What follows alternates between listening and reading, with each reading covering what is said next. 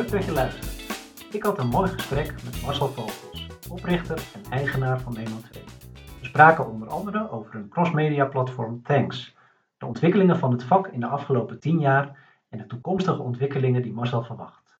Waarin traditionele marktonderzoeksbureaus het steeds moeilijker gaan krijgen omdat bedrijven en merken verwachten dat inzichten real-time beschikbaar komen. Veel plezier bij het luisteren van deze podcast. Ik zit hier eh, tegenover Marcel Vogels, oprichter en eigenaar van Memo 2. Uh, eh, leuk dat ik hier mag zijn om een podcast uh, met je op te nemen. Uh, ja, waar, waar zijn we hier precies? Um, ik ben deels eigenaar trouwens, niet 100%. Ehm, nou, we zitten nu in House of Measurement. en dat is eigenlijk ons hoofdkantoor hier in Amsterdam. Uh, en het eigenlijk heet het de House of Measurement omdat het precies is wat het doet. Dus eigenlijk alles wat hier gebeurt heeft te maken eigenlijk met het, uh, met het meten van uh, media en reclame-effecten. crossmediaal, merk- en performancegericht. Ja, hoe zou jij Memo 2 omschrijven als je het ja, en Memo 2 is hetzelfde, denk ik, eh, gebleven als het 16 eh, jaar geleden ooit is opgericht. Memo 2 richt zich eigenlijk puur en alleen op het meten van crossmediale effectiviteit. Dus, uh, nou ja, eigenlijk dat. Ja, er is eigenlijk geen dus. Er is, er is alleen dat. Ja. Um, uh, en natuurlijk, zeg maar, de methoden zijn door de jaren heen veranderd, maar de, de basis is eigenlijk nog steeds hetzelfde. Um, en dat is eigenlijk wat we hier doen. En hoe is het bedrijf uh, nu opgebouwd? Ja. qua medewerkers, qua locatie waar, waar jullie uh, onderzoek uitvoeren? Ja. Nou, Memo 2 uh, werkt, uh, of is in ieder geval actief in 27 landen. Dat wil niet zeggen dat we in alle 27 landen kantoren hebben, want we hebben eigenlijk twee kantoren. Dus eentje waar we dus nu zitten. Dat is het hoofdkantoor. En we hebben in Groningen een Data Science Center waar we eigenlijk uh, zowel de data science opdrachten uitvoeren, de innovaties ontwikkelen en ook de operationele back-office verzorgen. En wat, wat uh, voor type mensen werken er bij uh, Memo 2? Ja, dus redelijk gevarieerd. Uh, dat gaat een beetje van um, ja, echte research researchers, om het zo maar te zeggen, naar pure data scientists, programmeurs, um, ja, commerciële mensen. de boel moet ook verkocht worden. En wat staf. Maar ik denk dat de, de belangrijkste mensen zijn natuurlijk de research, data scientist en, en analist. En wat zijn binnen jullie bedrijf de meest recente ontwikkelingen? Bijvoorbeeld het afgelopen jaar, wat zijn ja. belangrijke eh, dingen nou, die jullie hebben gedaan? Ja, nou ja, uh, afgelopen jaar is eigenlijk toch wel het jaar van Thanks. Een, een, volledig geautomatiseerd uh, crossmediaal meetplatform. Ja, dat is een hele mond vol, maar... ja, dat is eigenlijk een beetje een droom geweest van toen we Memo begonnen. want normaal gesproken is natuurlijk het meten van crossmediale reclame-effectiviteit behoorlijk arbeidsintensief. Uh, maar we zijn nu zover dat we echt geautomatiseerd en op dagniveau uh, crossmediaal kunnen meten. Wat natuurlijk ideaal is voor merken die eigenlijk ja, wat meer regie naar zich wil toetrekken. En eigenlijk gewoon zelf van dag op dag wil kijken hoe de, hoe de vlag erbij hangt. En dat is, dat is echt een heel groot, uh, ja, echt wel een hele belangrijke innovatie geweest. En ook door de markt wel gewaardeerd met, met zeven internationale awards. Daar doen we het natuurlijk niet voor. Uiteindelijk doen we het voor het feit dat merken ermee gaan werken en we daarin uh, verder kunnen ontwikkelen. Maar het is toch wel prettig als zo'n innovatie zo vroeg uh, tractie krijgt. En erkenning eigenlijk vanuit uh, de researchmarkt, die van, van origine een beetje traditioneel is. Ja. dus dan is het wel prettig als, als je ook uit die hoek, zou maar zeggen, nou ja, eigenlijk de, de, complimenten en de waardering krijgt. En hoe sterk heeft Tanks jullie hele organisatie veranderd? Ja, nou in het begin dachten we ja, misschien een denkfout. We dachten, nou ja, kijk, Tanks is een platform, dus die gaan we eigenlijk een beetje apart behandelen. Uh, dus, dus apart ontwikkelen, uh, apart uh, aanbieden. En eigenlijk, nou ja, halverwege het jaar kwam je er eigenlijk best wel snel achter dat dat een verkeerde keuze was. Dus eigenlijk doen we nu precies het tegenovergestelde. Dus A is die helemaal geïntegreerd in bij, vrijwel elke dienstverlening die we verzorgen. Nou, dat is denk ik nu wel zo'n beetje gereed. Hè. Dus die de meeste uh, merken binnen Memo in meer of mindere mate al Thanks gebruiken. En nu draaien we weer om en dan gaan we eigenlijk wat actiever met Thanks uh, ja, naar merken die we wat minder kennen. A, omdat het natuurlijk een heel laagdrempelig iets is. En B, omdat merken nou eenmaal ja, de, de, de beweging hebben gemaakt van alles uitbesteden naar steeds meer in huis halen. ja, en als je alles in huis haalt, heb je ook regie nodig. Dus dan komen wij met een positieve boodschap dat dat dus nu allemaal kan. En is de de adoptie door klanten, is die zo gegaan als je had verwacht? Zijn er nog verrassende ontwikkelingen op dat vlak uh, geweest? Nou, uiteindelijk was het wel de, ontwikkeling van tanks, dat is natuurlijk niet goedkoop. Dat is een behoorlijke uh, investering. Ik had, ik had zoiets al een keer meegemaakt met DMA Instituut, wat een eigenlijk een beetje dezelfde werking heeft, maar puur digitaal is. Dus je weet wel waar je aan begint, maar het is toch eigenlijk, nou ja, je, je, je hebt een investeringsbedrag in je hoofd, maar dat is eigenlijk maal tien. het is elke dag weer, dus je kunt hem ook niet even uitzetten. Nou, vandaag doen we even niet. De investering zit hem ook niet alleen in de techniek, het zit hem ook in, het, uh, in de beloning van uh, de thanks deelnemers hè, of, de, of de communityleden. Dat is natuurlijk vrij belangrijk, want je vraagt heel veel data aan de mensen. Dus dan verwachten ze ook een, een beloning daarvoor uh, voor terug. Dus dat is. Uh, maar goed, uiteindelijk, de, de grootste vraag was niet zozeer: wordt het door de markt opgepakt? En dat geloofde ik eigenlijk wel. Daar, was, daar had ik geen vraagtekens bij. De grootste vraag was eigenlijk: gaan consumenten het gebruiken? Want je, zo'n zo zo'n platform uh, vraagt heel veel van de mens. Nou, uh, bijvoorbeeld, zou je een voorbeeld noemen, de, de, de, uh, de app is eigenlijk ervoor gezorgd, moet eigenlijk voor zorgen dat, dat respondenten of community of echte mensen, eigenlijk gewoon consumenten zoals jij en ik, aan onderzoek meedoen, maar niet even aan de vragenlijst, maar eigenlijk continu. Dus die staan continu aan en daar helpt die app bij. Die app activeert bijvoorbeeld uh, um, het microfoontje. Met het microfoontje herkennen we commercials. Uh, er zit GPS in. Met de GPS snappen we wanneer mensen langs out of home gaan. Of in welke supermarkt ze deze week zijn geweest. Of in welke andere retail ze zijn geweest. Uh, met de camera kunnen we ze kwalitatief onderzoeken. Met kleine messaging kunnen we ze ehm, middels survey-achtige constructies onderzoeken. Dus de laatste twee is dan misschien wat minder intrusive, maar de eerste twee natuurlijk wel. En ja, mensen ja, gaan mensen dat accepteren? Dat is eigenlijk de vraag. En uh, dat wisten we niet, maar dus investeer je heel veel. Maar ja, je weet eigenlijk, je hebt één grote question mark. Nou, godzijdank is dat, uh, is dat eigenlijk heel positief verlopen. En dat komt enerzijds, denk ik, doordat we ook wel echt financieel hele goede, uh, ja, eigenlijk gewoon hele sterke goede vergoedingen geven voor mensen die zowel de GPS aanzetten als wel uh, het microfoontje gebruiken. En we hebben gewoon ontzettend uh, lieve, goede, fijne audience partners gevonden in bedrijven zoals Motivaction, Respondenten.nl en Panel Inzicht. die naast Memo 2 Panel echt wel echt goed de schouders onder het aanbrengen van audiences hebben gelegd. Heel lang antwoord op een hele korte vraag, maar uh, bij deze. Uiteindelijk zijn ze goed bereidwillig. ja, ja, en uh, we gaan nu zeg maar richting de 10.000 uh, actieve gebruikers. We willen dit jaar uitkomen op 15.000. Ik weet niet of we dat gaan redden, maar ik denk dat we redelijk in de buurt komen.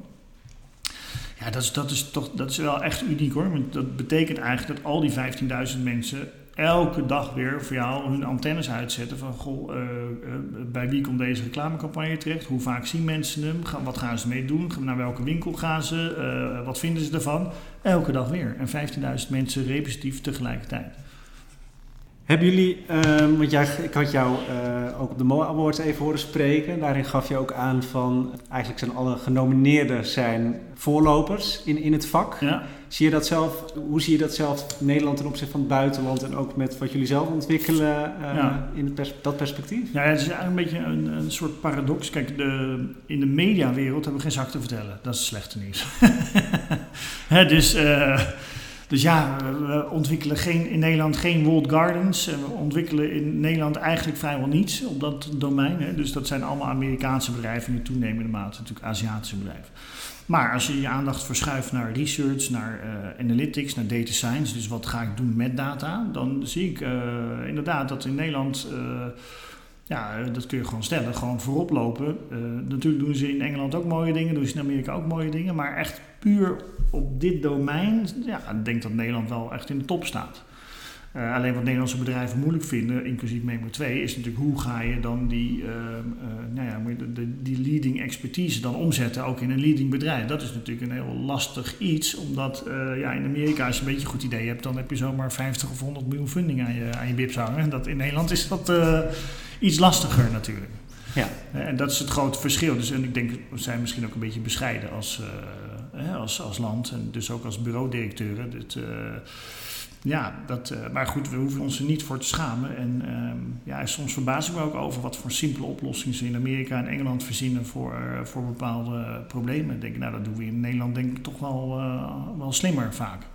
Komt het ook door de kortere, kortere, directere lijnen die we hier hebben, dat die andere bureaus in het buitenland zoveel groter zijn en complexer qua organisatie? Nou, ik, denk dat het vooral ligt aan het feit dat Nederlandse bedrijven inderdaad beperkter van omvang zijn, waardoor uh, innovatie ook meer ze, de, de, ruimte krijgt. dus, dus bij hele grote bedrijven, uh, ja, iedereen claimt innovatief te zijn, maar grote bedrijven zijn vaak niet innovatief omdat het over te veel schrijven moet. En iedereen. En dat is eigenlijk ook wel logisch. Kijk, maak je bijvoorbeeld over dat eerder genoemde Thanks een businessplan. Daar staat overal uitroeptekens uh, fucking never doen. ja, er staat een hele grote vraagteken. We weten eigenlijk niks over die markt. Dus waarom zou je daar x uh, hoeveelheid geld in stoppen? En ja, ik denk dat het toch vooral kleinere bedrijven zijn die die gok of die die keuze maken om dat wel uh, te doen. Ik denk dat, dat dat zal een achterliggende reden zijn. Dus Nederland is en hoog opgeleid en heeft veel affiniteit met data en met analytics. En de bedrijven zijn niet al te groot, waardoor dat toch wat innovatievere projecten hun weg weten te vinden. En als je dan kijkt in het iets, iets uh, groter en breder perspectief, wat, wat is dan de voornaamste ontwikkeling die jij over de afgelopen jaren hebt gezien en hoe verwacht je dat zich dat ja. verder door gaat uh, zetten? Nou ja, ik denk dat zeg maar, die ontwikkeling, die kun je eigenlijk ook wel binnen Memo 2 zien. Dus je gaat eigenlijk, kijk vroeger als we het over insights hadden, dan, dan was dat eigenlijk synoniem met research. En um, wat je nu ziet is dat insights eigenlijk helemaal niet meer synoniem zijn met alleen maar research, maar ook met analytics, maar ook met data science en ook met allerlei andere vormen uh, van, uh, van inzicht verzamelen. En ook niet alleen maar, uh, ja, ik vraag, vraag, iets aan mensen, maar ook passief vaststellen. Dus je kunt gedrag en je kunt een media exposure, net zoals met tanks, prima vaststellen. Maar je kunt ook weet ik veel, met bloeddruk of met allerlei, uh, met, met, allerlei andere methoden kun je zeg maar, ergens achterkomen waar je niet per se een vragenlijst voor nodig hebt. Uh, maar als je dan gaat zeggen, nou oké, wat is daar dan de trend in? Nou, ik denk dat de trend is dat in mijn domein dan, laat ik het dan zo zeggen, uh, bijvoorbeeld merken eigenlijk dagelijks inzicht willen hebben in iets waar puur vragenlijsten eigenlijk niet meer aan kunnen voldoen. Dus dan verschuift de aandacht toch heel erg naar data science of naar grootschalige automatisering. Uh, op uh, ja, eigenlijk insight-verzameling, in welke vorm dan ook. Dus de automatisering en de achterliggende intelligentie die je terugvindt in software. Dat wordt dus steeds meer een IT, uh, dus een creatieve data-IT-professie, dan puur een menselijke professie. Die, die verschuiving zie je wel. Maar je hebt nog steeds goede mensen nodig om dan vervolgens die inzichten die dan op zo'n hele ingewikkelde manier verzameld zijn, wel uh, op de juiste waarde te schatten. En da daar is altijd nog wel een soort van um, uh, verklaring uh, en, en, en, een goede een ervaring voor nodig om dat naar een goede vertaling voor beleid bijvoorbeeld te maken. En dus jij ziet dat voor de komende vijf jaar nog meer data-driven worden dan? Ja, ja, ik denk dat dat, uh, ik denk dat het wel veilig is om te zeggen dat dat, dat, dat uh, het geval is. En ik denk dat het nu ook versnelt. Hè? Dus, dus als je, eigenlijk is er helemaal niet zo heel veel gebeurd hè, in de laatste tien jaar als je daarover nadenkt. En dat heeft, heeft, digitaal ook een handje van, oh, het is wel turbulent. Maar eigenlijk, ja, weet je, er zitten nog steeds de displaytjes en nog de bannetjes en nog steeds de videootjes. Dus ja, er zijn wat schermen bijgekomen, maar in de essentie is het natuurlijk allemaal hetzelfde. Nou, bij research is dat denk ik ook niet heel veel anders. Alleen denk een jaartje of. nou, ik denk nu eigenlijk. Het is nu een soort tijdsgevricht waarbij je nu wel echt versnelling ziet van uh, automatisering. Dat, uh, dat is niet puur corona of zo wat daar weer aan het grondslag ligt. Dat is gewoon de sign of the times. Dus grote bedrijven willen geautomatiseerd in elk land weten op eenzelfde manier wat er precies aan de hand is en dat kunnen vergelijken. En dat kan moeilijker met, uh, met standaard research. Ja. En zie je daar ook een toenemende rol in dat bureaus ook steeds meer gaan integreren met de data die klanten hebben, uh, dat meer naar zich toetrekken? Of ja, of die. Of, of, of dat. Ik denk dat dat nu eigenlijk gebeurt. Maar ik denk dat op de langere termijn uh, dat grote, vooral grote bedrijven uh, steeds meer zelf de regie nemen. Dus dan denk ik eerlijk gezegd dat daar binnen die bedrijven steeds meer inside professionals werkzaam zijn die dus allerlei geautomatiseerde platformen en tools gebruiken voor de data die zij nodig hebben. Ik denk zeg maar in de MKB-segment, uh, daar weet ik dan zelf wat minder van, maar dat normaal gesproken komt dat wat later op gang en die zul je waarschijnlijk ook wel specifiek bedrijf hebben die zich daarop richten. Maar ik denk dat, dat het redelijk uh, is om te veronderstellen dat bedrijven wel steeds meer um, um, de beslissingen uit die insights voor zichzelf willen maken en de regie daarover willen voeren. En dat researchbureaus daarin steeds meer een partner zijn, maar niet, niet noodzakelijkerwijs helemaal geïntegreerd in elkaar raken. Dat geloof ik eerlijk gezegd niet. Nee. Maar echt het, het puur klassieke marktonderzoek, wat nu nog heel veel in het vakgebied gebruikelijk is. Ja. Is dat over vijf jaar, uh, hoe, Ja. hoe sterk is dat nog? Niet over vijf jaar. Ik denk dat dat best wel langzaam gaat. Alleen ik denk wat je wel ziet, en dat is nu al zo. Kijk, traditionele researchbureaus hebben gewoon een margeprobleem. En ja, eh, hoe ga je daar dan uitkomen? Hè? De- als- je vervolgens, eh, nou, als je dan de, de lat vijf jaar verder trekt, nou, is- dat is geen Nederlands, maar. Hè, als je nou de, de film vijf jaar eh, vooruit, dan krijg je, denk ik wel, ehm, de moeilijkheid dat er in dat domein eigenlijk nauwelijks meer iets te halen valt. Die, die constatering moet je dan vervolgens ook doen. Dus dan is ook de vraag van ja, moet je eigenlijk als traditioneel researchbedrijf dan ook nog wel dat eigenlijk met leden ogen aanzien dat dat aan het gebeuren is. Hè? Dus dat moet iedere bureau-directeur voor zichzelf eh, beantwoorden. Maar ik denk dat dat, ik denk dat uiteindelijk zal die markt dat zelf wel dicteren, toch? Er zullen een paar hele grote overblijven. Dat, dat schat ik in. Maar ik denk, daar ik denk als je nu naar de MOA-samenstelling kijkt en die ga je, doe je over vijf jaar of over tien jaar, dan zal er wel het een en ander veranderd zijn. Ja, dat denk ik wel. Wel Ja. de namen, de namen zullen wel misschien niet 1, 2, 3 veranderen, misschien gaan ze fuseren of whatever. Maar ik denk dat er onderliggend, als je gaat kijken waar wordt er geld verdiend, nou, ik denk dat dat steeds minder het antwoord is traditioneel research. En de key tot succes ligt dan in de automatisering en het eh, beter Ja. uitnutten van data. Ja, en in de zinvolle eh, innovatie. Hè? Dus, dus niet innoveren om te innoveren. Alleen ik denk dat het wel lastig is, en dat zie je in de praktijk ook, is dat als je, als je 80, 90 procent van je omzet scoort met traditionele research, hoe ga je dan A, innoveren? Dat is probleem 1. En B is hoe krijg je je bedrijf zover, je onderneming zover, die 90 procent, hoe krijg je die 90 procent eh, medewerking voor iets wat eigenlijk eh, bijna haaks staat op waar het geld op dat moment, en dus waar de macht vaak ligt, ook binnen organisaties, eh, ehm, ja, aanwezig is. Hè. En dat is natuurlijk een beetje de, de pijnpunt hoe je zo'n transformatie dan als researchbedrijf in ieder geval doormaakt. In jouw horende ben je blij dat je die ontwikkeling al veel eh, eerder hebt ingezet Ja. en staat waar je nu staat. Ja, nou ja, het zou ook wel heel arrogant zijn om te zeggen dat wij het allemaal heel veel beter weten. Alleen, kijk, wij, wij hebben gewoon, eh, soms voel je iets en soms, eh, soms kun je ook niet helemaal verklaren waarom je het op dat moment het juiste keuze vindt. Want we hebben er wel vaak over nagedacht, alleen we vonden het elke keer te vroeg. En er is altijd wel weer een reden waarom we dachten, nee, we doen het niet. Maar op een gegeven moment hadden we zoiets van, ja, maar nu gaan we het doen. En eh, ja, soms, soms zit het een beetje, soms moet je ook een beetje mazzel hebben daarin, denk ik. En, eh, en het is ook vaak zo dat de ene innovatie ook weer een heleboel andere innovaties versnelt. Gewoon omdat je dan pas het inzicht hebt wat bepaalde dingen met elkaar te maken hebben. En Ja. dat is, eh, soms dan, ja, zou je willen zeggen dat het jouw eigen superbewuste strategie is, maar dat, vaak is dat natuurlijk helemaal niet zo. Nee. Alleen het begint natuurlijk wel met die eerste stap dat je wel, ja, dat, dat je wel de intrinsieke behoefte moet voelen om, eh, om dingen beter te willen meten. Of in ieder geval betrouwbaarder, of representiever, of sneller, of flexibeler. Da- daar begint het natuurlijk. Hè. Dus, dus je moet wel, denk ik, een groep mensen in zo'n bedrijf hebben die die, die, die status quo wel willen verbreken. Hè. Dus dat je niet een soort eh eh, retailer elke dag hetzelfde blijft doen. Je moet wel, zeg maar, vooruit. En we zien nu de- inderdaad het, het eindproduct, wat waarschijnlijk voort is gekomen uit verschillende eh, tussenstappen die je genomen hebt. Zijn er ook bepaalde dingen dat je denkt van hé, hey, dat was eigenlijk iets wat ik van tevoren in gedachten had als heel kansrijk en succesvol, maar wat uiteindelijk toch niet bleek te zijn wat je van tevoren had bedacht? Nou, kijk, we hadden van tevoren wel een heel duidelijk beeld eh, hoe het eruit moest zien. En dat ziet er ook nu zo uit. Dus de, we, we hebben heel veel tijd, dat heb ik bij DEMA Instituut ook gedaan. Dus wel echt een heel helder beeld over wat het precies zou moeten zijn. Wat valt tegen? Nou, wat valt tegen is gewoon eh, heel snel een goed dashboard maken, bijvoorbeeld. Dat is eigenlijk, je denkt, nou, dat is eigenlijk het meest grafische. Dus dat is eigenlijk het meest makkelijke eigenlijk wat je van het hele... Hè, dus het zit hem niet in de software erachter die veel, veel ingewikkelder is eigenlijk qua als je daarover nadenkt. Het zit hem ook niet in de infras- data-infrastructuur, want dat is ook echt een hel. Maar dan vreemd genoeg, ja, eh, eigenlijk duurde het verschrikkelijk lang voordat we een, een echt een goed dashboard eh, konden presenteren. Daar heb ik nog steeds, dus ik zie nog steeds wel verbeterpunten, zou ik maar zeggen.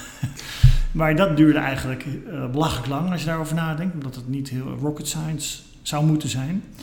Eh, maar dat komt eigenlijk doordat je misschien ook meer moet stilstaan bij de gebruikerswens. Maar die gebruikerswens zijn natuurlijk niet niet iedere adverteerder is hetzelfde, niet ieder probleem is hetzelfde. Dus als ik een retailer heb, heb ik eigenlijk alweer bijna een ander dashboard nodig dan wanneer ik met een fast mover. Uh, en dat is. Uh, dat stuk hebben we misschien wat onderschat. Daar staan dan ook weer tegenover wat meevallers. bijvoorbeeld in de retailsfeer. dus we kunnen met Thanks nu zien hoeveel mensen gaan er naar welke retailer. maar ook hoe vaak wat voor soort mensen het zijn, hoeveel media-exposures ze hebben gehad voordat ze uh, die retailer zijn binnengekomen. En uh, alleen die data op zichzelf al uh, is echt een goudmijn voor, voor supermarkten, voor grote kledingsketens, nou ja, voor eigenlijk voor elke retailer. En dat is, dat is ja, weet je, en dan krijg je weer van oké, dan krijg je weer een hele nieuwe Pandora's box. Dat je zegt, nou oké, want nu we hier zijn, kunnen we niet A, B en C daar gaan toevoegen. En dat is die innovatieketen waar ik het over had. Als je ergens aan begint, je doet het goed, dan heeft het als voordeel dat je. Nou ja, dan, dan dienen de andere mogelijkheden zich vanzelf aan. Ja, dus vanzelf ontstaan nieuwe businessmodellen ja, en, uh, ja, ja, kansen. Ja, ja, en een andere businessmodel is natuurlijk dat tanks dan. Uh, dat is maar meer geografisch, dus dat niet alleen maar meer in Nederland is, maar dan ook nu wordt uh, neergezet in België en in Engeland. En dat is denk ik weer de next step. Hou, natuurlijk, hou natuurlijk mijn hart vast. Want maar, maar in principe is het hetzelfde platform. Dus dat, uh, dan zijn we al een heel stuk verder. Ja, ja, en dan kijken of de, de Britten en de Belgische respondenten ook net zo... Uh, ja, net zo toegevelijk zijn. Uh, ja, precies. Ja. Kan je daar al iets over zeggen of zitten jullie nog in een te vroeg te nou, in België gaan we gewoon zelf zelf doen, omdat we ook al daar een panel hebben. en met onze partner Panel Inzicht heeft natuurlijk al best wel een Belgische panelleden. Uh, Engeland, daar gaan we met een grote uh, wereldwijd partner werken. Dus dat zal een iets andere uh, constellatie hebben. En andere dynamiek schat ik in. Spannend, leuk. nou, dan zijn we al bijna aan het eind gekomen van, van ons gesprek. Ja. Ik wilde nog een vraag stellen. Heb jij nog bepaalde lees, luister of kijktips voor nou ja, mensen die in het vakgebied actief zijn of dingen waar jij zelf wel aan hebt gehad? Nou, dat is misschien eigenlijk heel uh, lomp dat ik dat zeg, maar uh, ja, uiteindelijk, en dat doen we, tenminste doe ik dan zelf eigenlijk al. Natuurlijk lees je wel eens wat en uh, bekijk je wel eens wat, dan raak, raak, je geïnspireerd. Maar aan de andere kant, en dat klinkt vreselijk arrogant wat ik nu ga zeggen, maar we lopen echt aan de voorkant van ons vakgebied. En dat kunnen we ook wel weer vertalen in bijvoorbeeld awards die we door de jaren heen hebben gewonnen. Dat zijn er meer dan welk bureau dan ook. Dus ja, uh, we kunnen niet zeg maar een boekje of een map uit de kast trekken uh, die ons gaat vertellen van waar we het in moeten zoeken. Hè. Dus, de, dus ja, ik, vind, ik, ik gun iedereen de Byron Sharps, die, die, die, liggen hier ook overal. Daar maken we ook allemaal vertalingen van en dat soort dingen. Maar als je het echt hebt over uh, waar, de ontwikkelingen die eraan zitten te komen, ja, dat zijn we zelf. Ja. Dus die staan niet in een wetenschappelijke publicatie. Die, staan, die lopen vijf of tien jaar achteraan. Ja, die staan niet in allerlei blogs, weet je, dus die, die, dat zul je zelf moeten doen. Ja. Dus dan heeft het niet zoveel zin om links en rechts te kijken, daar, je moet zelf vooruit kijken. Dat is eigenlijk de, de truc. Ja. En, en los van wat je naar de toekomst gericht, dingen die jij in het verleden op jouw pad zijn gekomen, waarvan je denkt van nou, daar heb ik zelf wel aan gehad in, uh, in de groei van mijn organisatie of in ontwikkeling. Uh. Ja, dat, nou daar heb ik veel aan gehad. Kijk, ik heb natuurlijk een hele... Uh, uh, hele uh, prettige en fijne collega's waar ik al heel lang mee werk. Dat is natuurlijk een, uh, een groot goed. Hè? Dus, dus dat, dat, die massa moet je natuurlijk ook hebben. En het tweede is dat, ehm, nou goed, ik heb twee jaar geleden een DMA Instituut verkocht aan een groot Amerikaans bedrijf. Um, en dat zorgt er natuurlijk ook wel, daar ben ik nog wel deels bij betrokken, maar het zorgt er natuurlijk ook wel weer voor dat je niet je tijd, zeg maar, want ik besteedde bijna 100% van mijn tijd aan, die, uh, aan dat platform. Ook omdat het heel technisch van aard is. En nu heb ik in één keer uh, minimaal de helft uh, van mijn tijd om gewoon puur op Memo 2 te focussen. En ja, het is natuurlijk toch een beetje een soort, ik zie het als een soort liefdesbaby. Dus, de, van 16. dus ik vind het ook, ja, ja, van 16. Dus ja, je weet het, hè. Dus, je kind blijft je kind. Ja. Um, dus, dus ja, ik vind dat gewoon wel weer heel prettig om, om daar gewoon tijd en lucht voor te hebben om daar uh, heel gefocust uh, mee bezig te zijn. Ja. Dus dat, dat is wel, uh, ja, dat is, dat is denk ik ook wel iets waardoor we daar meer aandacht voor hebben. Dus, dus het bedrijf gaat gewoon zoals het gaat en de innovatie staat er niet apart van, maar is wel, krijgt daarmee wel een extra versnelling, denk ik. En volgens mij uh, volop dingen te, te doen en die eraan zitten te komen. Ja, ja ik, hoop, ik, ik hoop het wel. Ja, ja zeker, zeker. En zelfs in deze moeilijke tijd. Maar ja, dat is ook wel weer interessant, want nou, is misschien een beetje een lang verhaal nu, maar kijk, de corona zorgt natuurlijk ergens in zekere zin ook wel voor dat mensen gewoon snelle digitale inzichten willen hebben. Dus je hebt niet altijd meer de mogelijkheid om uh, voor retailers, ja, die zitten niet heel goed in de slappe was. Dus die gaan niet hele grote projecten uh, meer. Dat is totaal begrijpelijk. Dus dan is het wel handig als je gewoon digitaal. je hoeft alleen maar in te loggen, alles voor je snuffert en tegen hele andere prijspoints dan, dan ze gewend waren dus daar zie je eigenlijk, dus dan helpt zo'n gekke crisis ergens ook wel weer mee in, het, in de adoptie eigenlijk van hele innovatieve platforms. Dus ja. wat dat betreft heeft deze periode jullie wel ook een stuk ja. verder gebracht dan ja. wanneer de markt gewoon gelijk was gebleven. Was ja, ja ik, de, we hebben niet, geen gebruik hoeven te maken van de nauwregeling. hebben we ook niet gedaan. en we doen het iets beter dan vorig jaar. Dus niet een gigantische groei, maar desalniettemin wel uh, groei ten opzichte van het voorgaande jaar. Wat denk ik toch wel, uh, ja, dat is denk ik toch goed.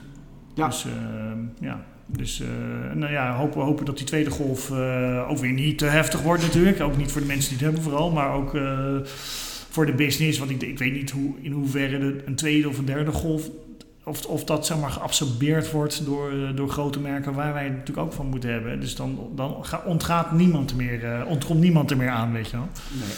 Dus ik, ik hou me hard vast dat deze tweede golf nou niet al te heftig gaat worden, maar het ziet er toch niet zo goed uit volgens mij. Nee, laten we meer dan hopen kunnen we op dit ja, moment. Nee, uh, nee, ja, mondkapjes opdoen en, en, ons goed en niet ziek worden. Dat is, het, uh, dat is het belangrijkste. Laten we daar, daarmee afsluiten. We zijn dan aan het eind gekomen. Dankjewel dat ik hier mocht zijn. Ja, graag gedaan. Graag gedaan. Je bent hartelijk welkom. En veel succes ook in de komende Dankjewel. Ja, ook. Met de ontwikkelingen die in een stroomversnelling komen, sluiten we deze podcast af. Ik ben erg benieuwd wat je ervan vond. Of welke thema's jij interessant vindt om verder te belichten. Stuur me een bericht om je mening te delen. Alvast bedankt en hopelijk tot de volgende podcast, die weer over een maand verschijnt.